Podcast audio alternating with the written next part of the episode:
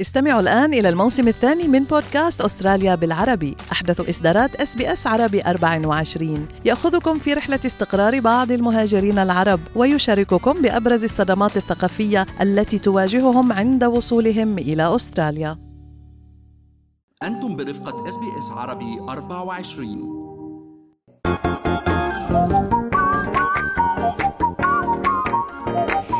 شو في ما في من أستراليا وحول العالم بفقرة منوعات آخر فقرات برنامجنا الصباحي Good Morning Australia وأنا بترا طوق الهندي. وأنا فارس حسن. سنبدأ منوعاتنا من المملكة المتحدة حيث أعلن قصر باكنغهام أن الملك تشارلز الثالث يعالج أو يخضع للعلاج من تضخم البروستاتا وسيخضع لتدخل علاجي الأسبوع المقبل. وكنا سلطنا الضوء على الوضع الصحي كمان لأميرة ويلز. آه، خلينا آه، نحكي أكثر عن تفاصيل الوضع الصحي آه، للملك تشارلز. يعني جاء في بيان للقصر الملكي أنه زي ألاف أو ربما أكثر يعني كل عام يتلقى الملك العلاج من تضخم البروستيت حالة الملك حميدة وسيدخل المستشفى الأسبوع المقبل لإجراء عملية تصحيحية. وتابع البيان أنه التزامات الملك البالغ من العمر 75 عام ستؤجل لفترة قصيرة للتعافي. توج تشارلز رسميا بالسادس من أيار مايو بعد ثمان أشهر على اعتلائه العرش إثر وفاه والدته الملكة إليزابيث الثانية ب 8 سبتمبر عام 2022 وهو أكبر من اعتلى عرش بريطانيا بعد أن ظل وليا للعهد لأطول فترة. الملك تشارلز الثالث اللي هو الملك البريطاني وأيضا head of state هنا في أستراليا كونه إحنا من دول الكومنولث الملك يتمتع بصحة جيدة يعني بشكل عام بترا أصيب بفيروس كورونا مرتين كان عنده إصابات رياضية لما كان أصغر سنا ولكن بشكل عام يعني هو في صحة جيدة. وكنا شفنا كمان الملكة إليزابيث يلي لامست المئوية بحياتها.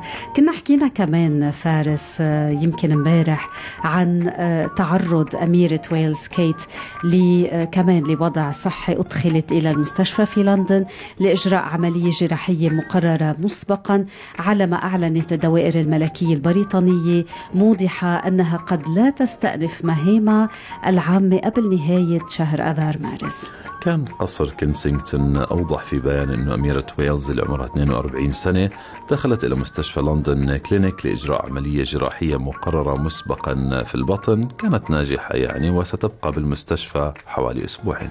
بالفعل فارس من هالخبر خلينا ننتقل أنا وياك آه إلى خبر تاني اليوم هيك في حزن كتير كبير بقلب قصي الخولي لرحيل الإعلامي عميد الخولي والد الفنان قصي الخولي وقصي هو أبو عميد أيضا. صحيح صحيح. وشفنا يعني تهافت نجوم سوريا والعالم العربي آه، على تقديم التعازي لقصي على وسائل التواصل الاجتماعي. آه، اتحاد الصحفيين ووزارة الإعلام في سوريا نعت الإعلامي عميد خولي والد الفنان قصي في بيان رسمي. يذكر أنه عميد خولي عمل في عدة مناصب مهمة خلال مسيرته. كان أحد قياديي العمل الإعلامي في سوريا منذ السبعينات وكان نائب لرئيس تحرير لإحدى الجرائد ثم كان نائب رئيس اتحاد الصحفيين السوريين.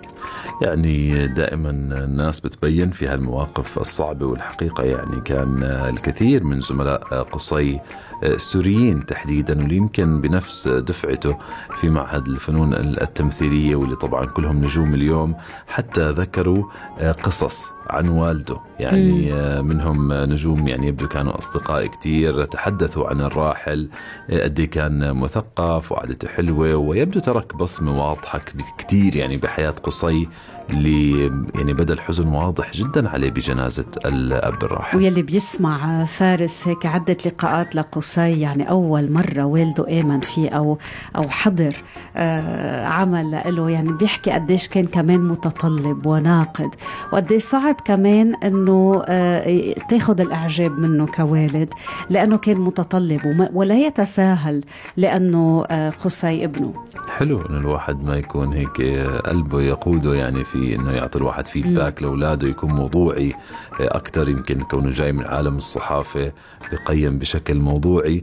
خلينا نختم بترا إذا بدك بخبر عن ارنولد شوالزنيجر وهي الساعة الثمينة اللي حطته بمأزق على ما يبدو. اذا أوقف نجم هوليوود أرنولد شوارزنيجر بمطار ميونخ بجنوب ألمانيا بسبب عدم تصريحه للجمارك. عن ساعة ثمينة كانت معده للبيع بحسب ما أفادت السلطات الجمركية الألمانية لوكاله فرانس بريس. الناطق باسم الجمارك هناك توماس مايستر حكى الممثل الأمريكي النمساوي اللي عمره 76 سنة وكان وصل إلى ألمانيا من المملكه من الولايات المتحدة. قد يتمكن يعني من مواصلة رحلته ولكن سيتعين عليه. ترك ساعته بميونخ. الثمينة. حوالي 40 ألف أو 50 ألف دولار أو عفوا الجمرك عليها كان حوالي 35 يعني ألف دولار. بده يكون كثير على ما يبدو. يعني إذا الساعة هيك فارس. يعني عم نحكي عن أرنولد شوارزنيجر بالنهاية يعني مسيرة طويلة ب- بالنجومية وأيضا حتى كحاكم لفلوريدا بدأت إجراءات جنائية كمان كانت بتهمة الاحتيال الضريبي ضد الحاكم. السابق لولاية كاليفورنيا آه، مايستر كان يعني عم بيحكي آه، إنه شوارزنيجر كان لازم يسر يصرح عن الساعة للجمارك ويدفع عليها الضريبة. هو التصريح الأساسي وفارس بركي بنوعد المستمعين كمان عن تصريح من نوع آخر بالجمارك عنا ب- بأستراليا بحلقة هيك تكون شيقة. قد إيه أوقات نحن ما بنصرح؟ صح. مشكلة مشكلة كثير كبيرة لأنه ال biosecurity laws جدا مشددة في أستراليا وإحنا جزيرة يعني مجرد ما يدخل الفيروس آه، على البلاد صعب جدا أنه يطلع. فمن هون بنلاقي تشديد وتغيير حتى على قائمة ال- ال items الممنوع تدخل على أستراليا. بالفعل. فارس حلقتنا كانت غنية شيقة من الرياضة من تسجيل أهداف رياضية لأهداف شخصية وذاتية لإضاءات برفقة زملاء وزميلات. بدنا نشكرهم فردا فردا. ريان برهوم على النشرات الإخبارية ربا منصور هناء ياسين كوثر الحنبوري دان سميث thank you دان رافقنا عبر الهندسة الإذاعية والشكر الأكبر لكم مستمعينا على إصغائكم ولك فارس على هذه الرفقة الصباحية. شكرا بترا طوق الهندي. انبسطنا كثير بآخر حلقة من هذا الأسبوع. ما تنسوا نشراتنا الإخبارية على رأس كل ساعة وبكرة weekend بالعربي ببلش الساعة 6 الصبح للساعة 8 وأجمل ما جاء في أسبوعنا في برامجنا المباشرة ومن إنتاجات الزملاء بفريق الإنتاج الرقمي. إذا بيت المزيكا بتمام الساعة 12 أستراليا اليوم بتمام الساعة 3 نلتقي بإذن الله يوم الاثنين بحلقة جديدة وموعد جديد. thank you دان شكرا دان سميث وإن شاء الله نلتقي في صباح الاثنين. رح نختم مع فريد الأطرش هذا تقليدنا الأسبوعي. وبعدين بنروح للأخبار مع ريان. هل تريدون الاستماع إلى المزيد من هذه القصص؟ استمعوا من خلال أبل بودكاست، جوجل بودكاست، سبوتيفاي أو من أينما تحصلون على البودكاست